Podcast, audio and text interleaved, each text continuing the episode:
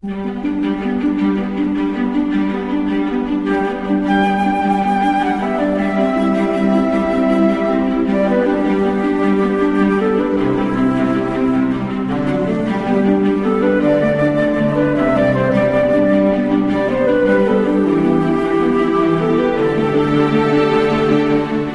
arribats a aquesta hora del matí, eh, hora en què el sol encara no no ha sortit, en una hora que, com sabeu, entra intempestiva i plàcida, plàcida per tots aquells que, en fi, estan obrint un ull i encara amb aquestes noves temperatures d'octubre doncs, esteu ben tapats amb alguna manta o algun tipus de llençol, eh, esteu esperant l'inici del dia i intempestiva per aquells que encara no han acabat el dia anterior. Doncs bé, en aquell moment, aquell interregne, és el moment que ens agrada desplaçar-nos a un raconet eh, de, en fi, de, la, de la geografia del nostre país, que no han volgut revelar mai exactament la seva ubicació eh, en fi, geolocalitzada, però que és un, és un carreró, eh, un cul de sac empedrat de les poques, dels pocs carrerons empedrats que queden al país, al final del qual hi ha un edifici sense aires de gaire pretensió, però al darrere de la porta del qual hi ha eh, un infinit eh, registre de, de meravelles. I és el basar de les sorpreses i és eh, l'Albert Beorlequi. Què tal, Albert? Bon dia.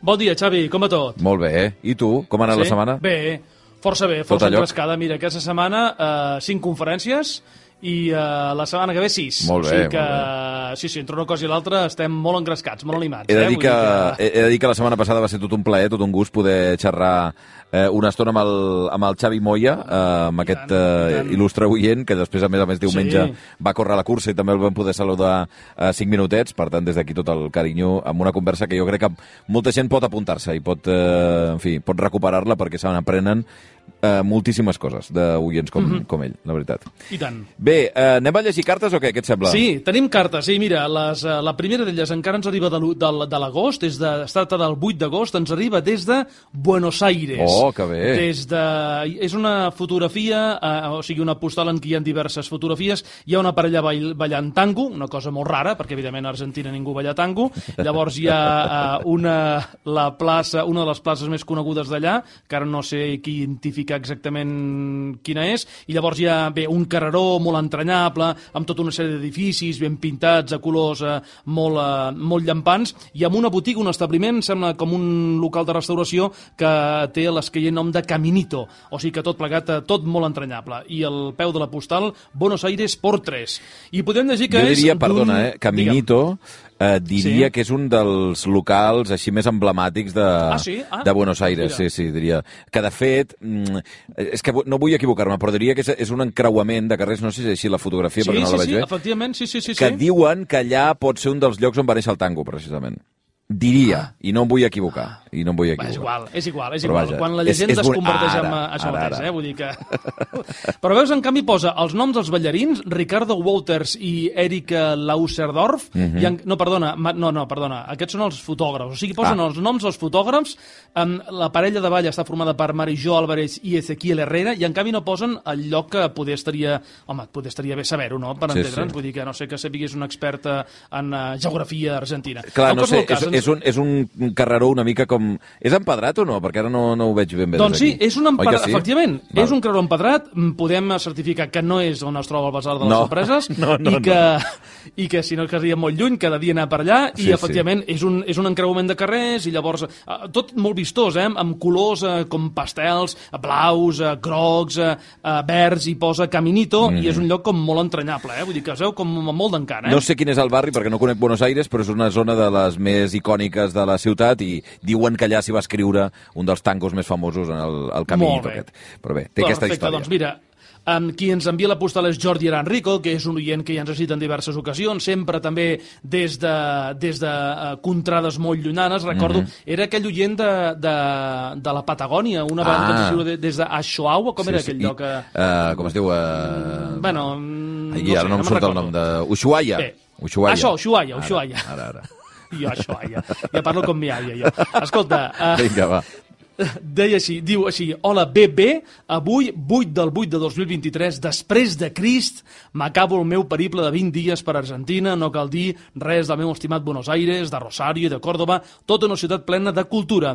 Ara em trobo de nou a Buenos Aires i em dedicaré a fer les últimes compres. Una forta abraçada, Jordi Rico, que suposem, evidentment, doncs, que ja ha tornat a, Home, que ha que tornat sí. a casa nostra. Eh? Sí, sí, sí. I mira, la segona, la segona missiva que podem llegir ens la remet una tal Francesca Mateo, ens arriba des de Barcelona amb un sobre convencional i el matasegells indica el 6 de setembre. Per tant, Ah. doncs, ja, eh, ja saltem per entendre'ns a, uns quants, eh, a unes quantes setmanes endavant. Extraiem del sobre una carta manuscrita que podem llegir el següent. Barcelona, 3 de setembre del 2023. Apreciats Albert i Xavi. S'acaba l'estiu i he de complir la meva promesa d'escriure-us abans de començar la nova temporada. M'ha anat per pèls. Per només de pensar en un possible pluricó se'm posa la pell de gallina. Sí, sí. A finals de la temporada passada vau tocar el tema dels contes infantils enregistrats fa molts anys en vinils a 33 revolucions per minut i amb l'Isidre Solà com a narrador. Jo tinc un àlbum amb dos discos que me'ls sé de memòria de tant posar-los als meus fills. Són fantàstics. Els hi vaig proposar escoltar-los als meus nets, de 6 i 8 anys, molt aficionats a llegir i a que els hi llegeixin contes. No van dubtar ni un moment en dir que sí. El que em va sorprendre és que van agafar dues cadires, es van asseure davant del tocadisc i apa, fins que es van acabar. Desitjo que tingueu una bona pila de cartes per poder-nos seguir delectant els matins dels diumenges. Moltes gràcies, una forta abraçada. La Francesca Mateo, doncs, des de, des de Barcelona ciutat. Molt bé, que bé. Moltíssimes gràcies a la Francesca i al Jordi per aquestes cartes que ens han arribat i que ja hem arribat fins al setembre, quan pràcticament estem Sí. A punt de tocar el novembre. Per tant, ja estem agafant una mica de- d'embranzida. Bé. Que sapigueu que podeu continuar enviant cartes ara que ja estem en plena tardor i que, en fi, que arriben aquests, eh, són aquests mesos més delicats probablement per molta gent, doncs eh, podeu seguir enviant cartes explicant el que vulgueu, la relació que teniu amb el programa o el que us passa a la vida eh, a, través del correu habitual, l'adreça habitual, via lliure, al Basar de les Sorpreses, Avinguda Diagonal 477, planta número 15, codi postal 08036 de Barcelona i, com sempre, el compromís del Beorlegui de llegir-les totes en antena i respondre-les una per una. Bé, ja tenim per allà el Beorlegui Express, eh, avui amb bandereta, a veure, que no la veig molt bé, no és la Union Jack, menys mal, no, avui ens hem això ja mogut. portem- Aquesta és europea, però, no? Sí, Val. a veure, no, és que hi ha, saps què passa? Que hi ha països que tenen la mateixa bandera o que s'assembla i que no... Home, aquesta és molt fàcil, doncs, si és la... Ah, sí? Sí, home, sí, clar, això és... Hola- Bueno, En la... anava a dir? Holanda, això són Països Baixos, no? Sí, bueno, clar, ara no és Holanda, ara no es pot dir Holanda. No, ara. no, ara s'ha de dir Països Baixos, efectivament. No, home, no, blau, blanc i vermell, sí, sí. Sí? Ostres, no sé si podria, eh? Bé, home, doncs sí, anirem a la, a la ciutat de Groningen, que és un dels seus... Eh, un, on, és una ciutat on un dels seus màxims atractius eh, és un museu d'art que porta el nom de la ciutat i que exhibeix obres d'art modern i contemporani. Va obrir les seves portes al 1874, tot i que l'edifici actual és molt recent, que és de fa res 30 anys, l'any 94, i crida l'atenció per les seves formes i colors. En qualsevol cas, és un referent pels amants de l'art del segle XX i allí hi anem perquè ha estat protagonista fa pocs dies. Eh, estàs a punt? Sí. Sí, doncs apa, som-hi.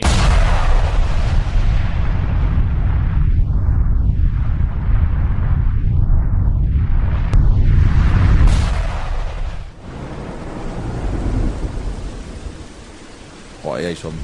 Un dia tu. Però que no m'has dit que plovia, tu. Doncs mira, és que no he pogut escoltar la Mònica Usart avui i no... Bueno, és que no sé, La avui Mònica Usart no d'Holanda, no? diumenges, No, els diumenges no, ve, ve el Martí Oliveres. No, no, però... doncs, Pues jo no he portat res, eh? Doncs, O sigui, ara què fem? Hem de eh, sortir corrents o què? No, no, escolta, quedem-nos per aquí, mira... Però si està plovent molt fort. Mica... No, aixopluguem-nos una mica. Jo vaig amb ulleres, Beurlegui, que ja...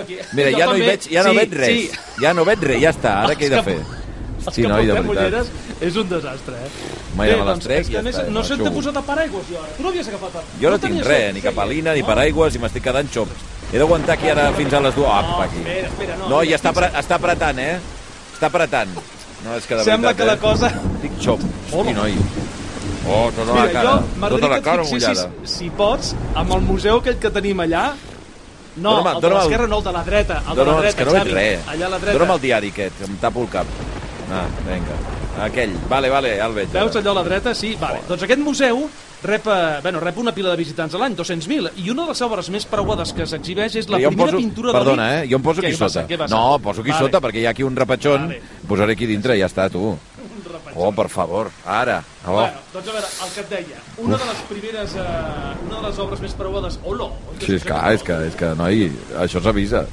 Bueno. Una de les obres més preuades que s'exhibeixen és una pintura de Van Gogh que és Jardí de Primavera, que Sí. s'ha datat a l'any 1884. I a més es veu una vista d'un jardí amb una figura vestida de fos i a la llunyania, per entendre'ns, una, una antiga I església. què ha passat amb la pintura del Van Gogh?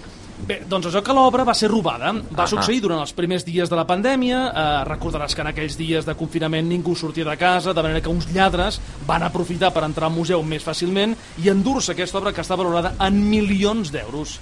Gràcies, però, a la labor d'un policia i d'un detectiu especialitzat en art, un tal um, Arthur Brandt, um, es va poder localitzar els lladres i després de diverses vicissituds, un ciutadà que afirmava que no tenia res a veure amb el probatori va tornar el quadre al museu de manera anònima. Però, atenció, i aquí està la particularitat, va tornar el quadre dins d'un coixí i en una bossa d'Ikea. Oh, oh! I malgrat que caldrà fer unes petites restauracions, l'obra està en molt bon estat i ben aviat es podrà tornar a admirar. Curiosament, doncs, i si ho pensem, i durant uns minuts, un coixí i una bossa d'Ikea han estat durant, segurament, els més cars de tota la història. Sí, sí, sí, sí. tant. I és per aquest motiu que dedicarem un nou basar de sorpreses a un d'aquests dos elements, de manera que avui et proposo el número 322 amb la lletra C. La C de coixí.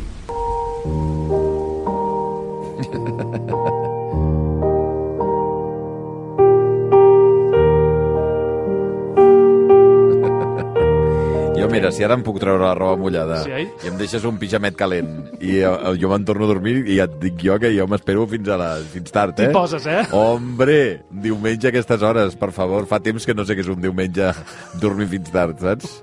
Bueno. A veure, jo crec que no podia haver començat de cap altra manera, perquè eh, jo em sembla que per vegades que haguem escoltat aquesta peça és d'una tendresa infinita. La cançó, o sigui, la... perdona, eh? l'original de qui és? O sigui, el, Sí, sí, sí. És la famosa cançó de Bressol de Johannes Brahms, Ah, que va ser Brahms. publicada l'any 1868, és original eh, per veu i piano, i és una tonada que associem sempre al llit, al qual, per cert, ja li vam dedicar en el seu moment un basar, no? I a un dels seus elements més característics, que és, evidentment, el coixí perquè sí, aquesta mena eh, de sac eh, normalment de forma rectangular, però també rodó o quadrat, eh, farcit de llana, de ploma o d'altres materials, té diverses utilitats, la principal de les quals és recolzar-hi el cap a l'hora d'anar a dormir, tot i que també pot per ser per, que, que sigui, per repenjar l'esquena o posar sota els peus, o només per fer bonic. En català a tot li diem coixí, però en altres llengües ho distingeixen, com el castellà, per exemple, que en diuen almohada, paraula que prové de l'àrab, quan és el llit, o cojín, quan Ah, té, sí. per entendre'ns altres usos. És veritat, aquí en diem tots qualsevol del mateix, eh, com si fos el mateix Ah, i no és això ben bé el mateix. mateix. Ahà, mhm. En qualsevol cas, tots intuïm que el coixí no és un simple element del llit.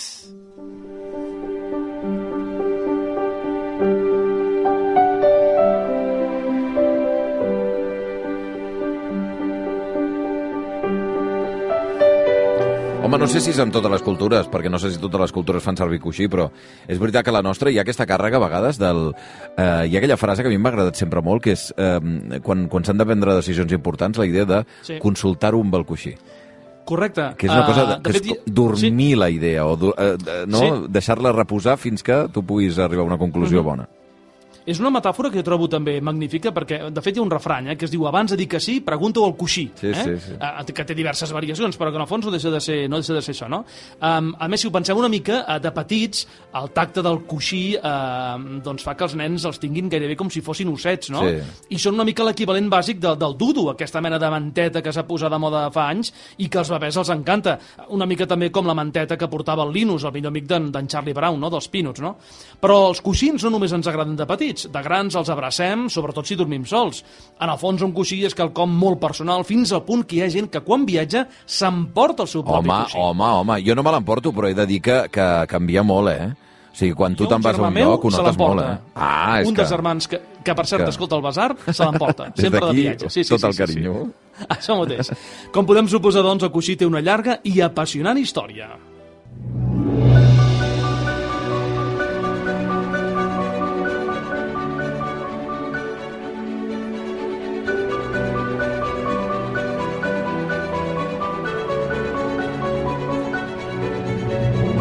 Clar, aquí jo tenia el dubte de si tota la humanitat ha fet servir coixins o, o en totes les cultures. Tu em diràs de quan daten allò que ens agrada fer, de viatjar en el Sí. temps i pensar quan van ser els primers coixins. -hmm. Sí, però l'inconvenient és que el seu material tan feble, eh, home, es podria pensar que no es pot saber quan es va Clar. començar a utilitzar. Clar, clar. Però hem de saber que els primers coixins no eren de tela, sinó de fusta. Com, però com de El fusta. prim... Sí, sí, sí. El primer ús conegut, eh? Clar, pot ser que sigui molt més remot, eh? Però el, les desco... eh, és el que passa amb la història, no? Que va deixant rastres amb petits eh, trencaclosques Mhm. i llavors al cap de molts i molts i molts segles trobem una peça i ens pensem que és la primera. Pot ser que, però pot ser que se n'hagin hi ha hagut d'altres i que s'hagin acabat perdent, no? Sí, sí. Però la primera constància, el primer ús que tenim, diguem-ne, de, de, de coixins o quelcom que s'assembla a un coixí és de fa 9.000 anys a Mesopotàmia i era una mena de suport per aguantar el cap que era de fusta que jo suposo que deu Uf. ser d'una incomoditat insuportable, Home. ha arribat algun testimoni, eh?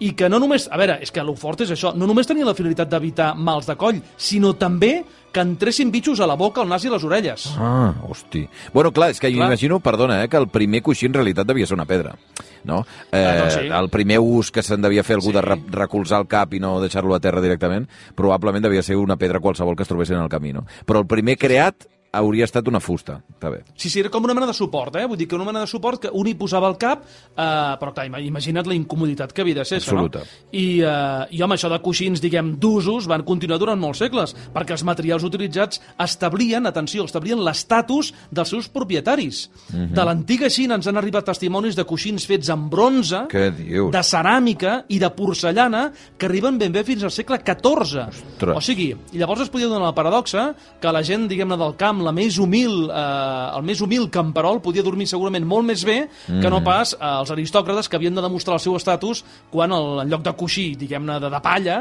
o de roba, havien de tenir un coixí de porcellana o de ceràmica, no? Però és evident, no serà fins a la revolució industrial, segles més tard, quan el seu ús s'estén arreu, però amb algun prejudici, cosa que també és fascinant. A Anglaterra, per exemple, els coixins eren reservats a les dones ja que si els usaven els homes era un símbol de feblesa, de debilitat. Clar. Una mica com el que va passar en el seu moment, que ho vam comentar, quan es va inventar el paraigua. Clar. El paraigua només el podien portar les senyores, perquè això de, de que un home portés paraigua Home, per era un favor, símbol no? de... Sí, sí, sí, era un símbol passa, de que no pots, no pots aguantar com Què? hem aguantat nosaltres Què? una mica Eh? d'aigua o què? Ara, ara, ara utilitzaríem un mal nom que no direm, eh? però que eh, és Clar, això, clar. ja tots el sabem, oi? Bé, semblaria que els coixins són elements que inspiren tranquil·litat i relax, però, atenció, també poden resultar bèl·lics. Què hem de dir, doncs, de les guerres de coixins?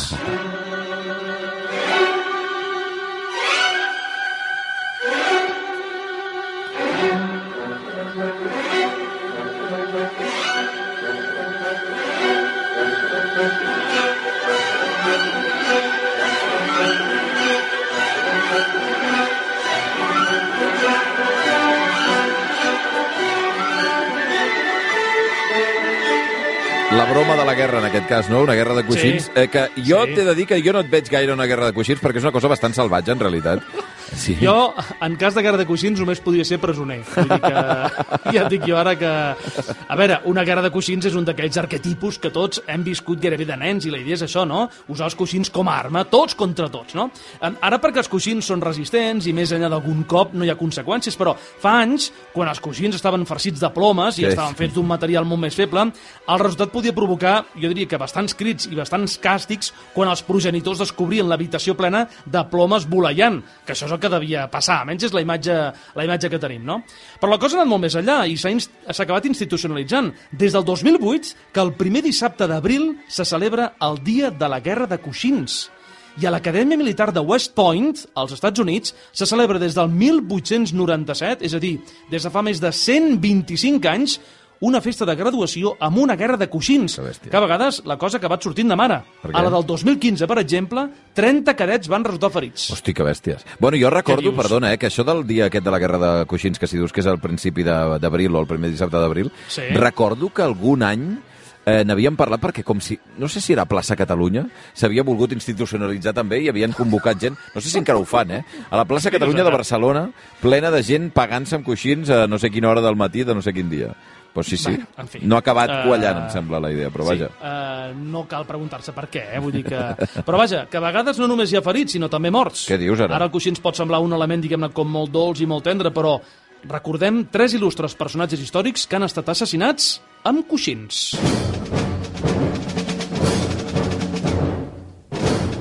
Bueno, perdona, clar, és que és una imatge molt fílmica, eh? Evidentment. La de l'assassinat via coixí que sembla Correcte. que sigui un assassinat com més... Bueno, aprofitant la, el somni d'algú, la son, Sí. sí. el, el fet que estigui dormint, no? Això sí, per on comencem? no hi ha, Digues, digues, perdona. No hi, ha, no hi ha violència per entendre, vull dir, en el sentit mm -hmm. que no hi, ha, no hi ha ferides obertes, Sí, vull sí, dir que sí. només apareix aquella no persona hi ha morta oposició, i ja està, no? no? I ja està. Ah, això mateix. Bé. Mira, comencem per... Uh, bé, aquesta música marcial ja ens porta a Roma i anem, doncs, per al segon emperador, Tiberi Juli Cèsar August, que va viure a cavall del segle I abans de Crist i el primer de la nostra era, i que era fill adoptiu del diví August. Sembla que la seva carrera militar va ser brillant i els primers anys del seu regnat van ser caracteritzats per l'austeritat, on va sanejar les finances de l'Estat, va combatre la corrupció i va gestionar molt bé els grans recursos que tenia l'imperi. Però pel que sembla, els darrers anys de la seva vida va canviar tot. Exiliat a Capri, es va lliurar tota mena d'accessos orgiàstics i pantacruèlics. Fet, a veure... Pantacruèlics, m'agrada Què, molt, què passa, això. què passa? M'encanta el nom. Recordem que la paraula Tiberi, que és una paraula molt nostra, Sí. eh, que utilitzem per definir un gran àpat, ve d'aquí, ve de l'emperador Tiberi. Ah, eh? ve d'ell? Ah. Sí, sí, sí, sí, sí. Fins que es diu que... Eh, a veure, sempre hi ha alguna altra versió, eh, però es diu que va ser assassinat per un jove Calígula que pujaria al tro tot seguit i que faria bòvidament el regnat del seu predecessor. A través d'un coixí, eh? Ah, això Està bé. mateix. Va, doncs primer assassinat en Tiberi, eh, has dit que es diu Tiberi Juli Cèsar August, i Ah, anem, mateix. anem pel segon, va.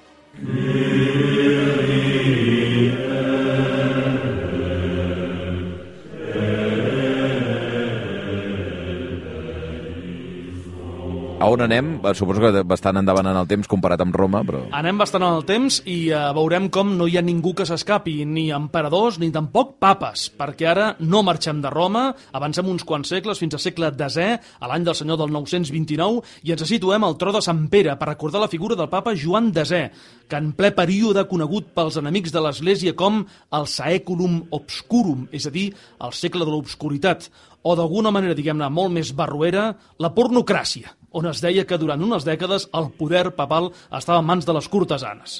Jo prefereixo més això del Saeculum Obscurum, que té un punt, diguem-ne, més literari, Sí, sí, més, ja, eh, ja. més elegant. Eh? Ja, ja, ja. Es diu que aquest papa, eh, papa Joan Desè, va ser el primer en posar-se al capdavant d'un exèrcit per lluitar contra els sarraïns, però va acabar empresonat al castell de Sant'Angelo, on va morir ofegat amb un coixí pels seus enemics.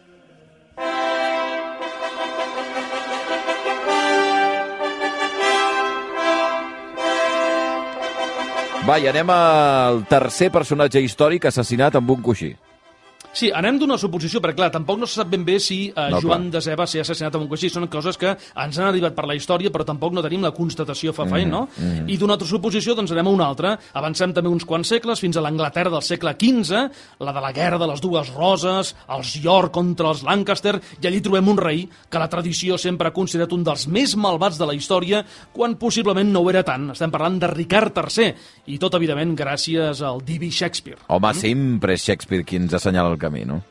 Correcte. Quan va morir, eh, quan morir eh, Eduard IV, dos dels seus fills, que eren Eduard i Ricard, no el tercer, eh, sinó un altre, un nen petit, van ser declarats il·legítims pel seu oncle, és a dir, eren nebots, per entendre'ns, de Ricard III, i van ser tancats a la Torre de Londres, i allí, segons es diu, van ser ofegats per un coixí, per un sicari.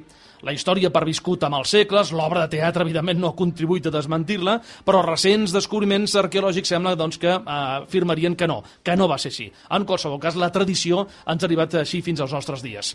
I si Ricard III continua sent un estereotip, és en part pel romanticisme del segle XIX, un moviment que era de tot el contrari, el Biedermeier.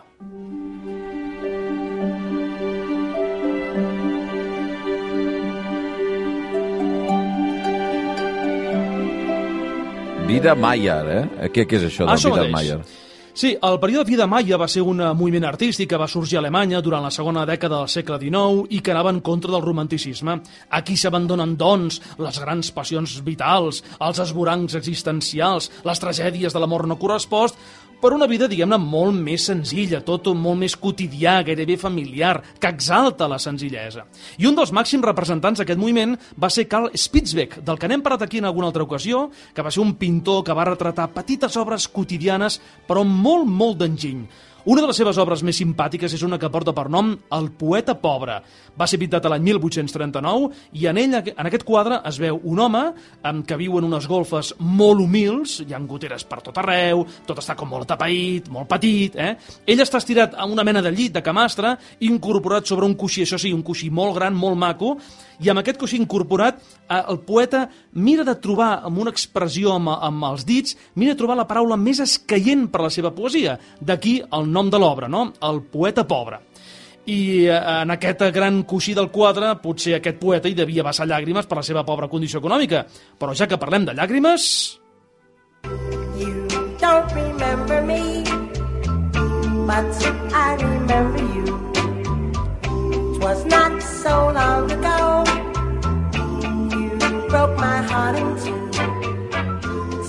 Massa modern per tu, Berlegui, trobo. Sí, sí, sí. sí Això sí. ja és això massa... És ma massa cap aquí, això. Massa, És massa, massa, cap aquí, això, eh?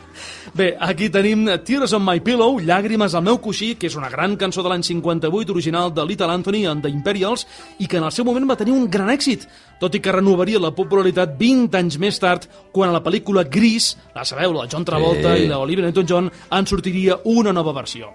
I ja que estem en cinema, una pel·lícula amb coixins i confidències. Bonita. ¿m? Sí. ¿Buen tipo? ¿Y no vas a decirme quién es? Claro que no. Yo descubrí ese tesoro y no voy a permitir que lo vea un pirata como tú. Eres un granujilla. Comunica. Me habré equivocado de hora. Brad, como amigo, eh, siéntate, hombre. Como amigo, desearía que algún día encontraras una chica como ella. Que dejaras todas tus aventuras y te casaras. ¿Por qué? ¿Por qué? ¿Te estás haciendo mayor? Sí, claro, ya lo sé. Tiene su encanto salir todas las noches con una muchacha diferente. Pero llega un momento en que el hombre debe cambiar de vida. Carai, ¿Por noi. qué? Porque va necesitando establecer una relación duradera con otra persona. Quina, quina conversa d'homes, eh, realment. Sí, una Ah, conversa... Clar, és, és que aquí hi ha molts elements interessants. Sí. Des del punt de vista artístic, òbviament, les veus fabuloses de Juan Manuel Soriano doblant a Ro Hudson i, a Toni, i, i Arseni Corselles doblant a Tony Randall. Però també, òbviament, és una pel·lícula de l'any 1959 que porta per nom Confidencias a Medianoche i les pel·lícules no només són pel·lícules, no només són petits trossos de ficció, sinó que en el fons també són eh, petits viatges a través del temps que ens permeten com era la societat, Clar, com clar. es pensava, doncs això fa més de 60 anys, perquè estem parlant d'aquesta magnífica comèdia de Michael Gordon, el títol original de la qual era Pillow Talk, és a dir, converses de coixins, Ah. i que tenia una connotació eròtica, una Clar. connotació sexual, que evidentment amb el doblatge, intencionadament, òbviament, doncs es va emular, perquè les Pillow Talk fan referències doncs, a les converses ben confidents, diguem-ne, que, que pot tenir una parella després de, diguem, estimar-se. Sí, sí, sí, aquesta, sí. És la, aquesta és la idea. Bueno, eh? les converses, més, les converses més intenses que es poden tenir Això són mateix. eh, després de, de l'acte carnal, per dir-ho així. No? Ah, això. Diguem-ho així, sí. La pel·lícula, per aquell que estigui interessat, que és molt interessant de veure, eh? Jo, aquestes comèdies m'encanten, es pot veure encara a Amazon i a Google Play. Uh, Confidencias de Medianoche. Uh, doncs mira, parlant de cinema, em pensava que faria referència a una cosa que, que, que és molt cinematogràfica, tot i que no sé si se l'inventa no, o un dels grans exponents és un japonès, uh, director japonès que es deia uh, bueno, Yasuhiro Ozu, que es va inventar el que en el seu dia un mestre de, de, de cinema em, deia, em va dir, que suposo que encara es fa servir, com a pillow shot, que són aquests plans eh, preciosistes, que realment no et porten enlloc, sinó que t'ensenyen un paisatge. Perquè són els plans de repòs, per dir alguna cosa, no? O sigui, que t'ensenyen un gran paisatge molt lentament, que dura un minut, dos minuts, una cosa molt llarga, amb una miqueta de, de vent que passa una mica de música, sen- senzillament com, com qui mira un quadre, i se'n diuen pillow shots com el, els plans de coixí, com de, bueno, ara em reposo una estona aquí, Sí, sí, sí, sí. i m'estic tranquil mirant això ben, ben maco i la eh, seqüència continuarà després, no? Però és que en Eh, el fons la pel·lícula és això, les pel·lícules sempre Clar, són clar. diguem-ne moments diguem-ne que es van combinant uns amb els altres i sempre hi ha doncs, aquests elements de suport que són els que en el fons fan avançar també la pel·lícula. No? Exactament. Ah, doncs és molt interessant això, eh? Pillow shot. Pillow shot. Això, eh? Haurem bé. de Doncs sí, sí, d'alguna manera. I sí. tant, i tant, clar que sí. Bueno, bé. Orlegui, espero que el teu coixí estigui esperant ja per aquest vespre, eh, que sigui dels Ui. bons, eh, sigui un bon sí, coixí. home. és un Sí, coixí... sí, és sí, sí. eh, gruixut o primet? Mira, no me n'entero perquè la que poso jo al cap al coixí, patapam, jo ja estic dormint. Vull dir que no Tu podries dormir hasta això, sense eh? coixí, podries fer-ho. Hasta sense coixí, ara que sí. bé, Orlegui, una abraçada ben forta, que vagi bé. Bundó, igualment, adéu-siau. Adéu-siau.